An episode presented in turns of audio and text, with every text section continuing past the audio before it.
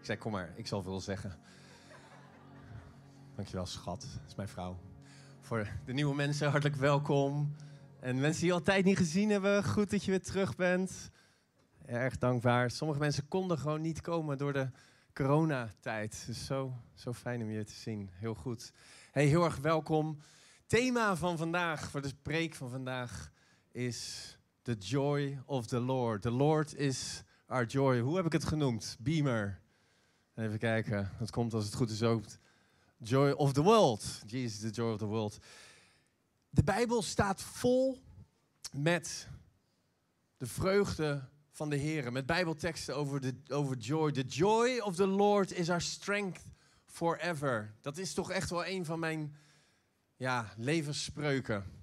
The joy of the Lord is my strength, strength forever. Ik ben niet altijd joyful geweest. Voordat ik christen was, heb ik meerdere periodes gehad met depressie. En sinds ik christen ben, is dat nooit meer voorgekomen en zal het ook nooit meer voorkomen. En ja, sommige mensen zeggen wel ja, jij, het lijkt wel alsof dat je nooit um, sip bent of nooit, hè, dat je eigenlijk altijd lacht. Um, nou, dat klopt eigenlijk wel. Ik denk dat de joy of the Lord echt wel onderdeel is geworden van mijn DNA. Maar het is niet altijd makkelijk. Zeker in ja, de tijd waar we nu in leven. En als je niet oppast, dan kan het zomaar zijn dat je een soort uh, ja, superficial, een, een soort nep vreugde over je heen probeert uit te stralen naar buiten. Maar dat diep in je hart je eigenlijk heel andere emoties en gevoelens hebt. En misschien ken je ze wel. Dan kom je zondags mensen tegen en dan vraag je: Hoe gaat het met je? The Lord is good. God is goed. Ja, ja, God is goed. Maar, en dan proef je ergens in binnen, in het, hè, in het hart van zo iemand, dat het eigenlijk, dat de emoties heel ergens anders zitten. Dat het misschien eigenlijk helemaal niet zo goed gaat. En toch vind ik het dan goed dat zo iemand uitspreekt dat God is goed. Want hij is goed te alle tijden. Dat is echt een van de fundamenten die ik geleerd heb toen ik tot geloof kwam. Dat God is goed. Daar zal ik nooit aan twijfelen. Maar dan om zo even de dagen door te lopen van de afgelopen week. En echt Gods vreugde door jou heen te laten werken. Dat is nog wel een uitdaging. We zitten nu in de tiende, elfde dag van de oorlog in Oekraïne. En ik weet niet hoe het met jou zit, maar ik proef best wel veel om mij heen angst. Ik heb al opdracht gekregen om jodiumtabletten te halen bij de kruidvat. Nou, die waren er niet. Dat was niet van Sjaren, maar van iemand anders. De angst voor een nucleaire aanval. En die is, kijk, die angst die is niet onterecht. Ik heb jarenlang gedacht, oh die Russen, joh, het zal wel. De Koude Oorlog, het was vooral een koude oorlog. En dan nu in één keer komen dingen toch zoveel dichterbij. En ik weet niet hoe het met jou zit als er angst op je, eh, eh, als er, als er iets bedreigends op je afkomt. We reageren eigenlijk allemaal anders hierop. Misschien heb je wel eens gehoord van de, de, drie, de drie F'en. Reactie, de drie F'en, er zijn drie reacties op hè, bedreigingen. Een freeze, een fight of een flight.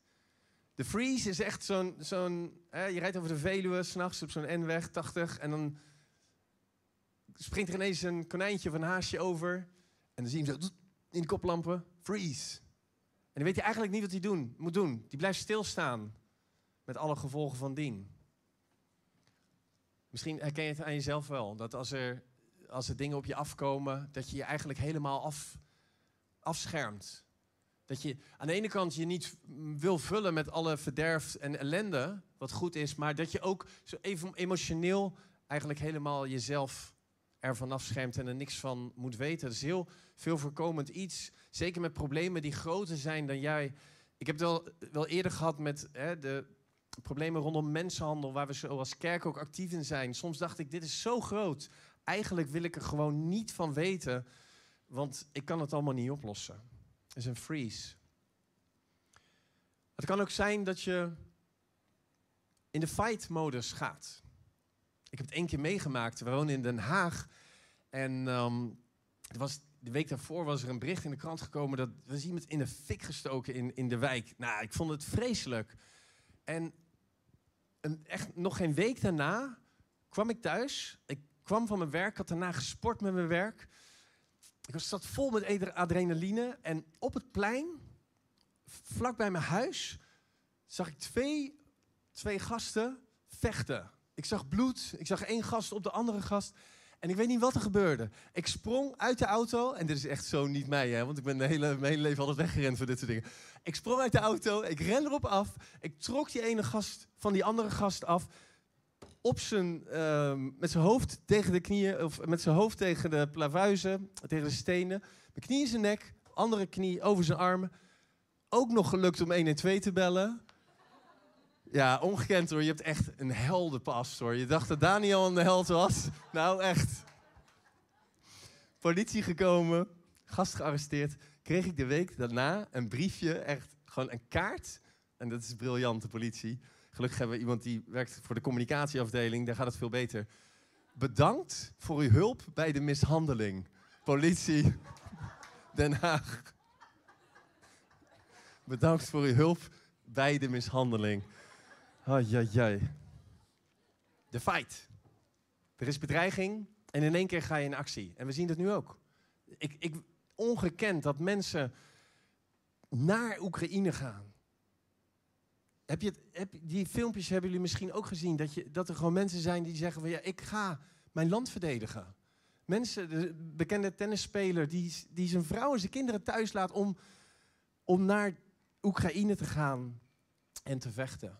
Het is ongekend. En we hebben ze ook, mijn zwager afgelopen vannacht is hij de Oekraïnse grens overgegaan om met een hulptransport vluchtelingen op te halen. Er zijn mensen die zeggen, ik kom in actie. En ik ben ook heel blij dat wij als kerk, afgelopen week hebben we een offer, um, collecte opgehaald. We hebben meer dan 15.000 euro uh, verzameld, uh, wat naar goede doelen gaat. Die helpen om de mensen daar ter plekke um, steun te bieden.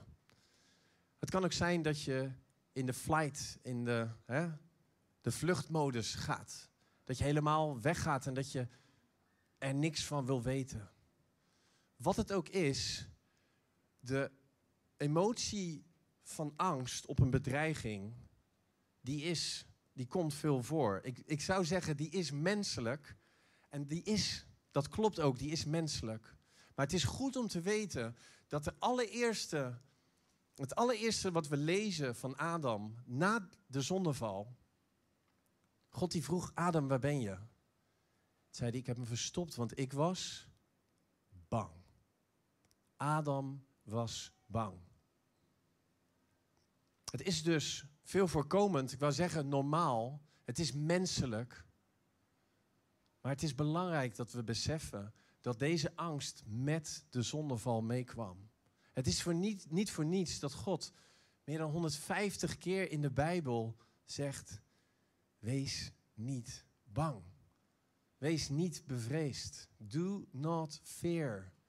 Hij zegt het keer op keer op keer.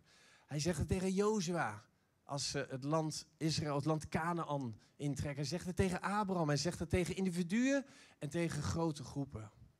Hij zegt: Wees niet bang.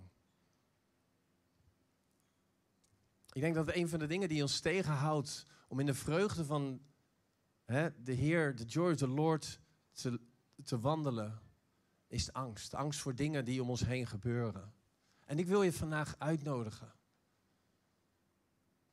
Om van het koninkrijk, eigenlijk is, je kunt het zo zien, is dat angst is geloof in het verkeerde koninkrijk. Angst is geloof in het verkeerde koninkrijk. De Bijbel zegt de vijand die gaat rond als een brullende leeuw. Die probeert overal in de wereld angst te zaaien. Maar er is, en dat weten wij, er is één leeuw en dat is de leeuw van Juda. En dat is de echte leeuw en dat is de leeuw die al lang heeft overwonnen. En het moment dat wij switchen van angst dat we, gaan, dat we gaan van het ene koninkrijk, daar waar de vijand ons wil hebben, naar geloof, naar vertrouwen, naar daar waar Gods vrede en Gods rust is.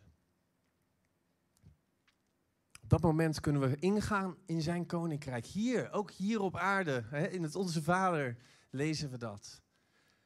Jezus zegt, wees niet bevreesd, vertrouw in mij. En misschien zit je hier vandaag wel en raken de omstandigheden je zo erg van de afgelopen tien dagen. Misschien zit je hier vast in. Dan wil ik je uitnodigen. En er is eigenlijk één plek waar je moet zijn. En dat is aan de voeten van Jezus. Het is eigenlijk heel bijzonder dat Jezus, voordat hij aan het kruis ging, sprak hij tegen zijn discipelen. En de discipelen die hadden verwacht dat Jezus hen zou verlossen. Israël was destijds ook bezet. Net als dat Oekraïne nu bezet is, was Israël ook bezet. En de discipelen, en niet alleen de discipelen, maar iedereen die verwachtte dat de Messias het volk Israël zou bevrijden van de verdrukker. Dat was hun hoop. En Jezus sprak die, die, die dagen daarvoor dat hij met de discipelen was. Hij sprak uit naar God, God, dat ze mijn vreugde mogen ontdekken. Dat ze mijn vreugde mogen proeven. Elke keer weer die vreugde van Jezus. En zelfs toen Jezus aan het kruis ging, zei hij: For the joy set before him. Dat staat God trouwens. For the joy set before him, he endured the cross. Dus er was een vreugde die klaar lag voor Jezus, ondanks alle omstandigheden, ondanks alle ja, pijn die hij had, alle martelingen, alles wat hij moest ondergaan. Er lag een vreugde voor hem in het verschiet. En diezelfde vreugde, die spreekt hij uit over zijn discipelen. En die spreekt hij ook vandaag uit over jou en mij. Maar het is zo belangrijk dat we loskomen van de angst.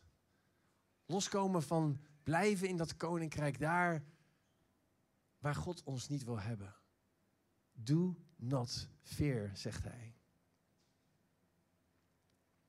Het is niet voor niets dat Jezus elke keer na zijn opstanding, als hij weer bij de discipelen kwam, dat hij zei: Peace be with you. Peace be with you. Peace I leave with you, staat er in Johannes 14. My peace I give you. I do not give to you as the world gives.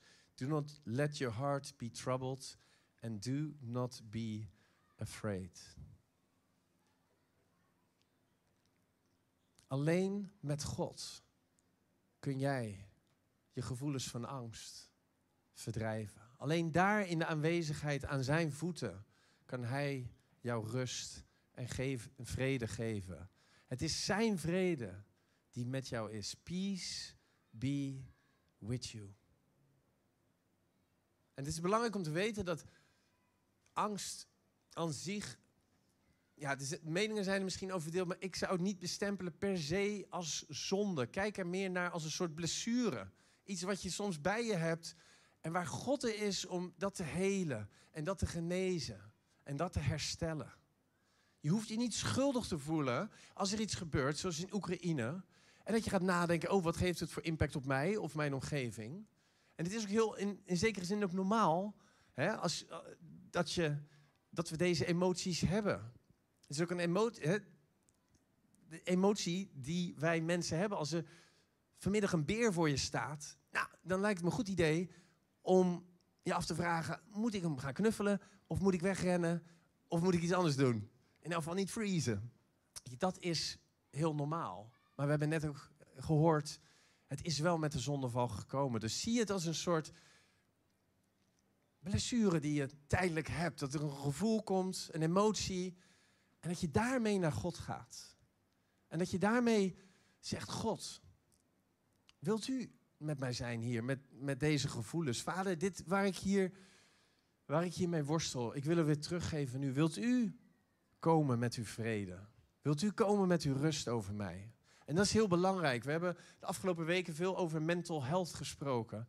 Het kan namelijk zo zijn dat die angst, als het zich over jou gaat ontfermen, dat het onderdeel wordt van hè, jouw denken, dat het naar een angststoornis gaat.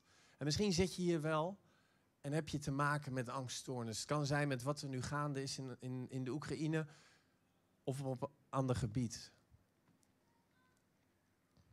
We, we zeggen het elke keer tijdens zo'n spreek over geestelijke gezondheid. Besef je en weet wanneer je hulp moet zoeken. Ook specifiek dus als jij worstelt met een angststoornis.